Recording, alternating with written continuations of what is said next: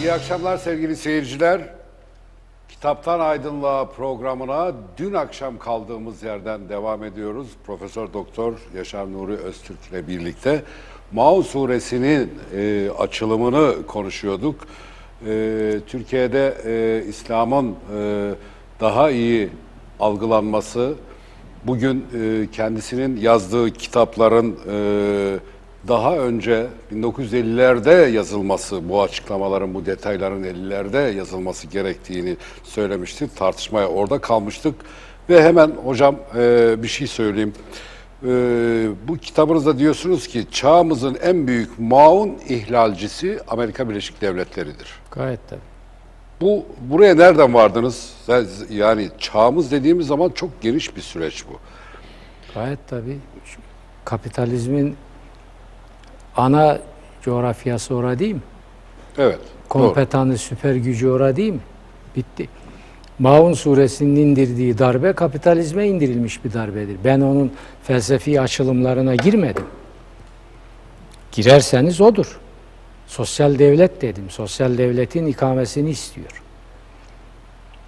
Tabi Amerika dünyayı sömürüp kendi insanına aktardığı için sırıtmıyor. Kendi alın teriyle geçinmeye bir kalksın bakayım bir senede ne oluyor Amerikan'ın hali? Arap yerden çıkan petrolü yemekle meşgul olmasın bir alın teriyle çalışarak yesin bakayım ne oluyor durum? Kur'an miras yedilerin dünyasını düzenlemiyor. Alın terinin dünyasını düzenliyor. Yani orada bir e, Yalnız dün burada kalmamıştık. Benim Avrupa genelindeki konuşmalarımı evet. Türk hariciyesine şifreli kripto ile yasak getirerek benim konuşturulmamamı ki hala o yasak devam ediyor. Kaldırılmamıştır. Kimler yaptı? AKP'liler yapmadı. Dinciler dinciler diyoruz. Ben de diyorum. Onlar yapmadı. Erbakan falan da yapmadı. Kim yaptı biliyor musun? Ben kişileri sayayım sana. O zaman sarı beyaz ruhu kara Diyanet İşleri Başkanı olan adam. İsim olarak cevap hakkı e, e, Efendim cevabını o her yol Şey- mubah Mehmet. Onun namı diğeri budur. Şey gi- gizli kapaklı bir şey değil. Hakaret de etmiyoruz burada. Yapılan bir iş. İki. Hikmet Çetin. Anlı şanlı Atatürkçü. Bunları bilecek millet. Dışişleri Bakanı oldu. Evet. dönemde. Üç, Devlet Bakanı. Süleyman Demirel'in papuççu başı. Hurafe gayyasına tepesinin üstüne batmış adam. Ekrem Ceyhun. Dört, yine Devlet Bakanı. Anlı şanlı Atatürkçü, Atatürk'ün en yakın silah arkadaşının en nadide, en seçkin oğlu Erdal İnönü. Kendisine bunları anlattım ben. Ne dedi bana biliyor musun? Evet. Ben Heybeliada'da oturuyordum. O da oraya gelip giderdi. Karşılaştık bir gün, sohbet ettik. Baktım beni göklere çıkarıyor. Demeyeceğim, yaşlı başlı adam, hiç kırmak istemezdim. Böyle yapınca dedim ki bir dakika, şimdi farz oldu. Siz ne yapıyorsunuz dedim. Siz böyle böyle yaptınız dedim. Stuttgart başkonsolosu o zaman emekli olana kadar bunu anlatma demişti. Söz vermişti bana Fatma Hanım. Çoktan emekli oldu. Rahat rahat şimdi söylüyorum. Bir gün Stuttgart'ta konferanstayım. Bundan sonra dedi seni artık biz çağıramayacağız. Belki 20 defa çağırdı beni o, o konsolosluk. Çünkü dedi bugün gelen bir şifreli kripto ile senin konferans verdirilmemen talimatı geldi bize. Ya benim cahilime ver hocam. Ben bunu ilk defa duyuyorum. O günden beri İdris'cim beni Türk hariciyesinin hiçbir e, birimi bir konferansa çağıramamıştır ki ayda 3-4 konferansa gidiyordum. Peki bunu söylediğinizde Erdal Bey bunun bilgisi var mıydı Bir kendisinde? dakika anlatıyor işte işim belki. bu. Ne dedi bana biliyor musun? O kendi böyle hindi baba sesiyle.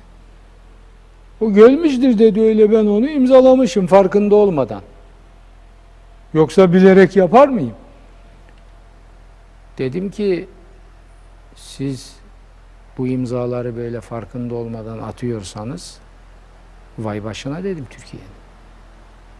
Olur insana o arada olur işte ben onu nasılsa göz, görmemişim dedi. O imzayı atmışım. Bu dört kişinin Şimdi onayıyla Allah rahmet eylesin Erdal Bey hayatta değil cevap hakkı da kullanamaz ama Hikmet Çetin'le ilgili söylediğiniz e, ilginç. E, eğer isimleri veriyorum beyefendi sana. eğer bu, bu Diyanet İşleri Başkanı dedikleri sarı beyaz adam bunun teşviki, tahriki ve teklifiyle Dışişleri Bakanı ve öteki iki e, Başbakan Yardımcısı dördü birlikte kotardı. peki neden hocam? Yasak koydular bana. Neden? Ve o yasa herhalde geldikten sonra AKP kaldıracak değildi. Tabii ki kaldırsaydı çok onurlu bir iş olurdu. Bakın kitaplarıma ambargo konması da o zaman aynı zamanda aynı ekip tarafından yapılmıştır. Kitaplarıma ambargo konuşunu bir dakika şimdi onu da söyleyeyim. Tabii. Abi burada bir husumet mi Ha, var onu sorayım. Ben bilmem. Onu sen düşün. O zaman Hüsamettin Özkan'a hangi yani o 3 ay öncesi 5 ay sonrası olabilir. O da devlet bakanı. Açtım. Rahmetli Ecevit Başbakan. başbakan. Dedim ki beyefendi bu Diyanet İşleri Başkanı Diyanete o bakıyordu. Benim kitaplarıma ambargo koyuyor. Her gün o satış yerlerinde kavgalar oluyor. Benim neyime ambargo koyuyorlar? Ben Türkiye'ye konmuş karanlık dincilik ambargolarını kaldırmakla ünlenmiş bir adamım. Siz bana niçin ambargo koyuyor? Bu Diyanet İşleri Başkanı bunu nasıl yapıyor? Bunu siz atadınız dedim. Bunu uyarın. Bana cevap verdi. Cevap şu. Biz hiçbir kurumun iç işlerine karışmayız. Ha, ha siz dedim böyle mi diyorsunuz? Evet. Benim de buna inanmamı mı bekliyorsunuz? O sizin bileceğiniz şey. Tamam ben inanmıyorum buna dedim. Aa o da zaman zaman da buluşuyoruz, oturuyoruz, yemek yiyoruz, sohbet ediyoruz. Ama bu hakikat bu. Yani açıp da telefonu ben devlet bakanı olsam, Diyanete bakan ve benim gibi bir adamın kitaplarına bu ambar- ambargo konsa bu mesleki hasetle büyük ihtimalle olmuştur. Anlar onu. Der ki ne biçim iştir bu ya? Her gün devletin televizyonunda her gün hemen hemen görünen dünyanın tanıdığı, Türkiye'nin tanıdığı, e, aydınlığı, müsellem bir adam. Siz ne, ne neye dayanarak bunun kitaplarına ambargo koyuyorsunuz? Bu bizi rahatsız ediyor. Şikayetler alıyoruz akşama kadar. Derdi ve kaldırırdı. Demedi. Biz Kırım'ın iç işlerine kat. Ulan ben buna inanır mıyım? Sen benim aptal mı zannediyorsun? Enteresan. Valla ben bunu bilmiyordum gerçekten. Ben bunları Bu yaşadım. ölçü- bu ölçüde bilmiyordum. Bakın benim angutizm diye bir tabiri Türk diline armağan etmem sebepsiz değildir İdris Bey. Ben büyük gönüllü adamım ve Allah'ın bana verdiği imkanlar benim bu hassiz işlerle uğraşmama engeldir. Bunu yaptılar da ne yaptılar? Benim en az baskı yapan kitabım 10-15 baskı yapmıştır. 70, 80, 90 baskı yapan kitaplarım var. 1 milyon, 1,5, 2 milyon satış yapan kitaplarım var. Siz beni tutamazsınız. Şimdi ama bunlar yapıldı, bunları millet bilecek. Bunları kim yaptı? Bunları Atatürkçüler yaptı. Ya da kendine Bir yandan Atatürkçülüğün yüz akı adamlarından bir cumhurbaşkanı hatta ikisi sen Cumhuriyet'in yazılmamış manifestosunu yazıyorsun bu kitaplarla diyor. Öbür taraftan Cumhuriyet'in anayasasının kuruluşlarından biri olan bir yer benim kitaplarıma ambargo koyuyor. Ve bunun başındaki adama söylüyoruz. Burada bir yanlışlık var bunu düzeltin. Bana meyhane köprü altı edebiyatı yapıyor. Biz iç işlerine karışma işin. Sen beni dangalak mı zannediyorsun ya? İç işlerine karışmıyormuş. Ulan senin haberin olmadan oradan sinek uçar mı? Hiç olmasa beni dedim ki ha onu söyledim ama. Ben bitiriyorum dedim. Siz ne derseniz o olur çünkü mühür sizde Süleyman sizsiniz. Yalnız sizden istirham ediyorum benim zekamla alay etmeyin dedim. Elbette orada yani e, siyasi otorite karar veren O da Hüsamettin Özkan işte. A- evet. şeyi yoktur. Yani benim bilgim dışında oluyor, iş işlerine karışmıyoruz demek bu e, çok kolaycılık Ya- yasak sağma olmaz Ya olur. işte şey. Benim şey zekamla alay etmeyin dedim ya. Sen olsan aynı şeyi söylemeyecek A- miydin? aynı fikirdeyim. Ha? Aynı fikirdeyim hocam. Çok haksızlıktır bu ya. Kaldı ki savunduğunuz değerler bakımından fikir ve düşünce özgürlüğü bunu yaymak, konuşarak yaymak, kitap olarak yaymak, özgürlüğünü savunan insanların böyle bir ambargo Ben de ne koyması- dedim? Tabii içim burkuldu, hüzünlendim. Dedim ki ya Allah'ınızdan bulasınız. Allah herkese gönlüne göre versin. Benim bedduam da duam da bu cümledir. Ben bana kötülük edenlere de bu- bunu söylerim. iyilik edenlere de. Allah gönlünüze göre versin. Allah bunlara da gönüllerine göre verdi. Dinciliğin çizmeleri altında bunları münhezim ve makhur hale getirdi. Dünya aleme rezil kepaze oldular ve hala da o rezilliğin gayyasında sürünüyorlar. İlginç valla. Ben e, ben şaşırdım bugün. Şimdi e, gelelim gene e, biz e, Maun suresine dönelim hocam isterseniz buradan. E, burada kamu hakkı. Demin anlattınız. Maun kamu hakkı demek zaten. Demin anlattınız. Fakir fukara, garip kuraba, tüy bitmemiş yetim slogan e, ifadelerini kullanıp da e, gücü elinde bulunduran siyasi otorite, hükmetme hakkını kendinde gören, aynı zamanda da dindar geçinen. Bizim aslında tartışmamız gereken bu tarafı bence. Tartışmamız değil, e, tespit yapmamız gereken bu tarafı bu. Bugün hocam biz birçok bakıyorum belediyeye, kamu hakkı diyoruz değil mi? Kamu hakkı. Burada da çok önemsediğiniz şey bu özet.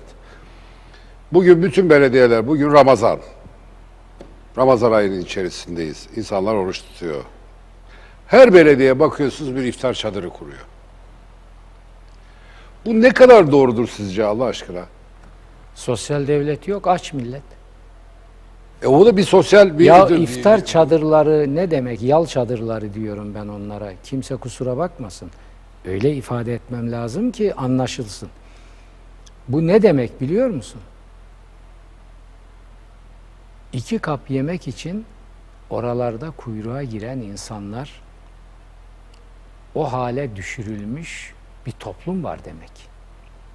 Bu bu ülkeyi yönetenlerin onur paydalarının sıfırlara doğru gittiğinin göstergesidir. Enteresan. Bu- hemen oradan e, aklıma geldi hocam. 1912'de Herkes aşını işinden kazanamıyorsa onun bunun merhametine, mürüvvetine sığınacaktır. Bunlar da onu istiyorlar. Sosyal devlette bu olmaz. Ya bugünle geçmişe baktığımda bakın e, onu söyleyeceğim hocam size. 1912'de Tunalı Hilmi Bayburt Kaymakamı. Fakr zaruret içerisinde hakikaten e, e, zaten e, Birinci Dünya Savaşı'nın arifesi, perişan bir vaziyette insanlar ve dilenme durumuna konumuna gelmiş bütün millet, bütün ahali bir dernek kuruyorlar. Müslüman Dilendirmezler Derneği. Bu derneğin görevi dilenme konumuna, durumuna gelmiş insanlara sadaka vermek değil. Bakın çok aynen böyle. Bu çok öne, önemsediğim bir şey yani. O tarihten bugüne geliyoruz. Bizim daha da sosyalleşmemiz gerekiyor. Ama e, gelip görüyoruz ki bugün sizin anlattığınız, söylediğiniz o yal çadırı diye tanımladığınız benim de e, bir ben bir Müslümanım. Bir Müslüman çocuğuyum. Ben babamdan, dedemden öğrenerek de Müslüman olmadım. Ben okuyarak içselleştirmişim. Bugünkü sosyal adalet anlayışı geçmişten çok daha iyi olmuş, olması gerekiyor iken, olanaklar bugün o geçmişe göre çok daha yüksek iken, bugün göstermelik olarak iftar çadırı açan belediyelerin, oraya gelip oruç açan insanların, o oruç açan insanlara da gidip baktım ben. Hiç kimse bunu e, farklı yorumlara, farklı şeylere çekmesin. Benim gözlemimdir. Yıllardır bu meslekte gazeteciyim. Benim işim insan ilişkisidir. Onun üzerindedir. İnsanların değişik konulardaki nabzını tutmak. Ve bu insanların birçoğunun gerçekten oruç tutmadığını gördüm. Ama oruç aç. tutan insanlar oraya gelmiyor. Ama aç. Aç, evet. Aç. Evet. Oruç belgesi istemiyorlar. Gidiyor yiyor. Aç. Şimdi böyle olduğuna göre bu çadırları açanları tebrik mi edelim? Eleştirelim mi? Yani aç. Sizce sizce tebrik mi etmeli? Efendim onlar onlar değil. Eleştirilecek olan sistem ve sistemin babası durumunda olan esas egemen güç.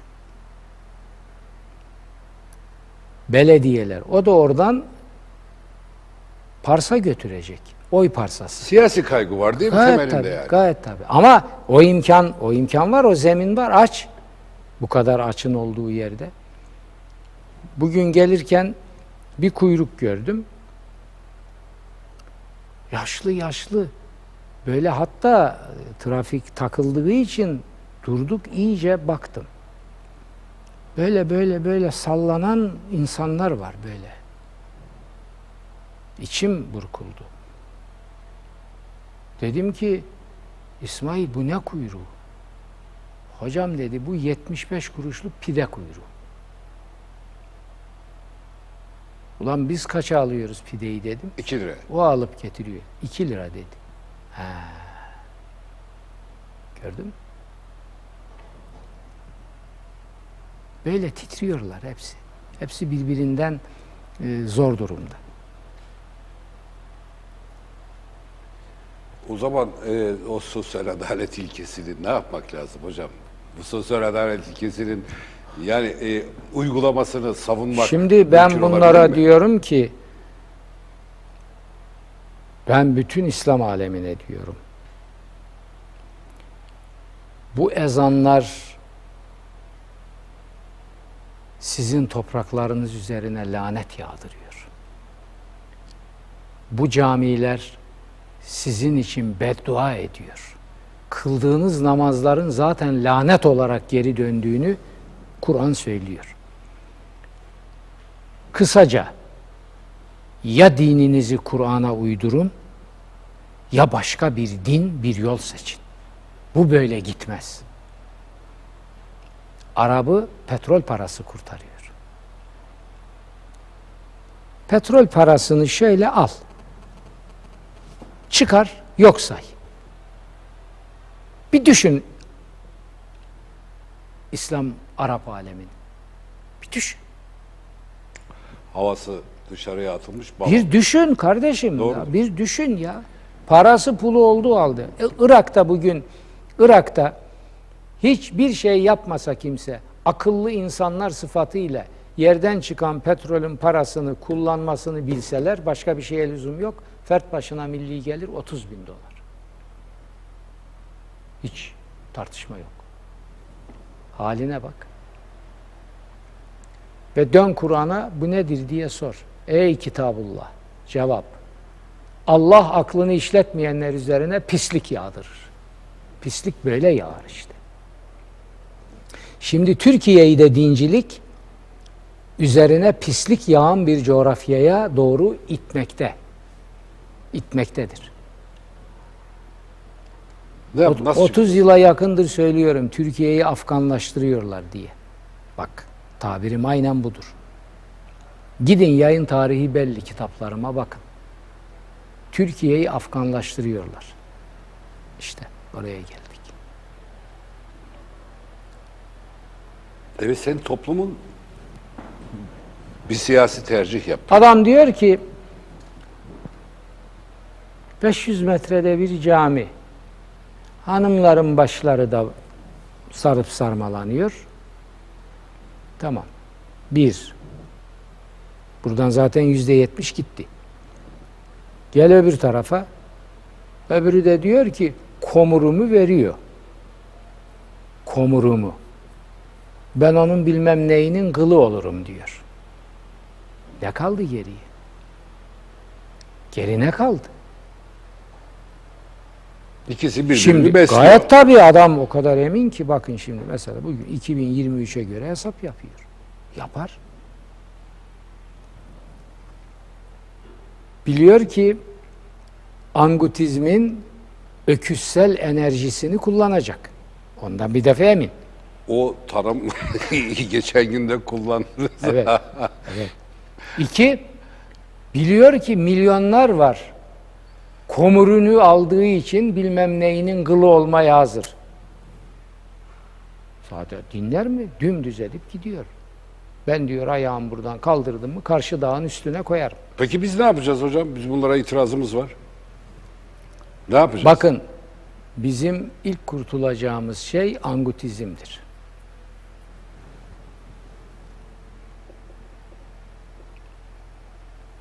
Evet.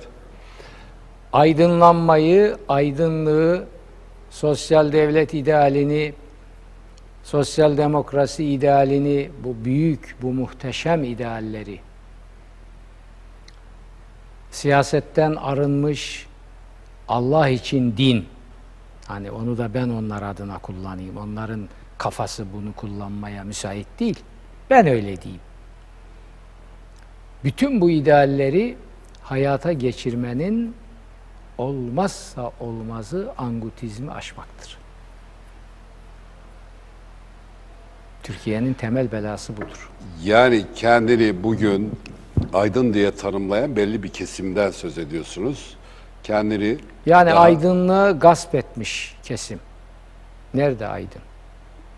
Aydın benim. Aydınlığı zaten e, aydın kesim dendiğinde tanımını e, yapmakta da güçlük çekiyor insan. Aydın genelde sol entelektüel kesimdekilere e, bir yakıştırma ama aydın insan bu, Ee, bu öyle, değil. öyle dediler dediler şeyhin kerameti kendinden menkul. Bak bir hiçbir Değil. işe yaramadı. Değil ama aydın tanımı bu değil zaten hocam. E, Aydın tanımı yani muhafazakar, e, daha liberal kesimde olan insanlar da var. Aydın dediğin zaman onlar da o sınıfa Aydın girer. her şeyden önce ferasetli adamdır. Basiretli adamdır. Ben Kur'an'dan bir aydın tanımı çıkarıyorum. Kur'an-ı Kerim ne diyor biliyor musun? Peygambere hitaben direkt. Kul hâzihi sebîlî ed'û ilallâhi alâ basîretin ene ve men ittebe'ani. Türkçesi. De ki diyor Cenab-ı Vacibül Vücud. De ki bak bak. Direkt emirle bir, bir mesaj altını çiziyor Cenab-ı Hak. Peygambere. İşte bu benim dost doğru yolumdur. Ben bu yolu takip ederim. Bu yol üzerinden Allah'a doğruya ve güzele çağırırım. Basiret üzere yaparım bu işi. Ben ve beni izleyenler. Demek ki aydınlığın önderi de basiret sahibi olacak, ekibi de. Şevket Süreyya'nın kadrosunu bilirsin. Tabii ki. Kitaplarını da okumak lazım. Şevket Süreyya çok önemli bir adamdır. Çok çok önemli bir adam. Şimdi aydınlanmanın öncüleri de basiretli olacaklar. Kur'an'ın kullandığı tabir budur. Baktı mı gören. Bugünü değil, yarını, sonrayı. Buradan hemen şeye geçelim. Büyük Atatürk'ün bir tanımına. Diyor ki, bu topraklarda halkı yönetmeye talip olanlar sade ufukları görmekle yetinemezler diyor. Ufukların ötesini de görmek zorundadırlar. Gördün mü? Evet. Şimdi bana ufukları bırak. Ayaklarını bastığı yerin 5 metre ötesini gören haysiyetli kaç tane adam gösterebilirsin? Bu işlere soyunmuş olanların içinde. Hırsızlığı bir tek biliyorlar. Hırsızlığı çok iyi biliyorlar. Birbirlerinin ayağına çalı dolandırmayı, birbirlerinin altını oymayı da çok iyi biliyorlar. E geri ne kalıyor? Zaten bütün mesaileri bunlara gidiyor. Geri ne kalıyor? Evet. Şimdi e, çok güncelleştirdik ama iyi ki de güncelleştirdik. Canım hocam. güncelleşmeden olur mu? Yani E, mazinin derelerine ineceksin, geleceğin tepelerine çıkacaksın, bugüne pusula tespit etmek. Şimdi e, aydınlık, aydınlanma, e, Anadolu aydınlanması, Anadolu e, işte aydınları diye söz ettiğinizde bakıyorsunuz böyle geçmiş işte Mevlana'dan, Yunus'tan, e, Şeyh Edebali'den, Şeyh Bedrettin'den hatta. Şeyh Bedrettin de çok enteresan e, bir e, Şimdi Ebu Zer kitabım çıkacak benim. İnsanlık tarihinde eylemli sosyalizmin öncüsü. Sahabi bu. Ebu Zer kitabımda Bedrettin de bir bölümdür. Ebu Zer'in kitlesel e, dönüşleri diye bir şey var orada, konsept. Ona uygun olarak Bedrettin var. ki çok ilginçtir. Tabii. Padişah e, Mehmet Çelebi'ydi zannediyorum. Sarayda görevlendiriyor. Sonra da kendisi çırılçıplak idam ettiriyor onu. Çok e- enteresan e, şeydir. Bakış açısı çok ilginçtir. Mesela hep tartışmışızdır. Şeyh Bedrettin o zaman sol, sosyalizm falan diye de bir şey yok ortada ama söylemleriyle solun sosyalizmin Kelime çok... önemli değil beyefendi. Evet. Benzeştiği yerler e, var e, epeyce. Dolayısıyla Anadolu aydınlanması, şimdi aydın insan, aydın insanların çoğalması. Bunun için e, bir çabanın da e, çok fazla din adına İslam'ın doğru algılanması, anlatılması adına çok fazla e, çaba gösterilmediği bu günümüzde sizin önereceğiniz de bir şey olmalı hocam. Siz siyasi parti de kurdunuz. Nihayetinde bu ülkede e, bütün bu sistemi değiştirecek olan bir siyasettir. Ben oraya taşımak istemiyorum siyaseti aslında bu Ramazan günü de. E, ama bu da bir gerçek. Bu ülkenin gerçeği. Sizin söylediklerinizi de oraya taşıyabilmek için, bu halkı oraya ta- e, götürebilmek için bir aydın olarak sizin de e, bir şeyler yapmanız lazım. Ha, ben- Siyasi ben parti ne deneyi mi yapıyorum? yaptınız? Ne oldu? Ben yiyip içip yatıyorum yani. Hayır hayır. Siyasi parti deneyi mi yaptınız diyorum. Ne oldu? Kurdunuz parti. Ya siyasi parti dediğin milletten vekalet istemek istemek üzere kurulmuş bir teşekkül. Ben işimi yaptım. Partiyi 81 seçim bölgesinden Türkiye'nin bütün illerinden seçime girecek hale getirdim, milletin önüne koydum. Millet dedi ki bir, Amerika seni sevmiyor. İki, içerideki kodaman takım da seni sevmiyor. Onun için sen evet gönlümüz seninle ama oy vermeyiz sana. Evet sevgili seyirciler, Yaşar Nuri Öztürk'ün bu siyasetle ilgili e, söylediklerini de e, siz de duydunuz. Yarın akşam devam edeceğiz. Biraz daha farklı konulara gireceğiz. Bu akşamlık bu kadar. Hepinize iyi günler, iyi akşamlar, iyi sabahlar, iyi sahurlar diliyoruz. Hoşçakalın.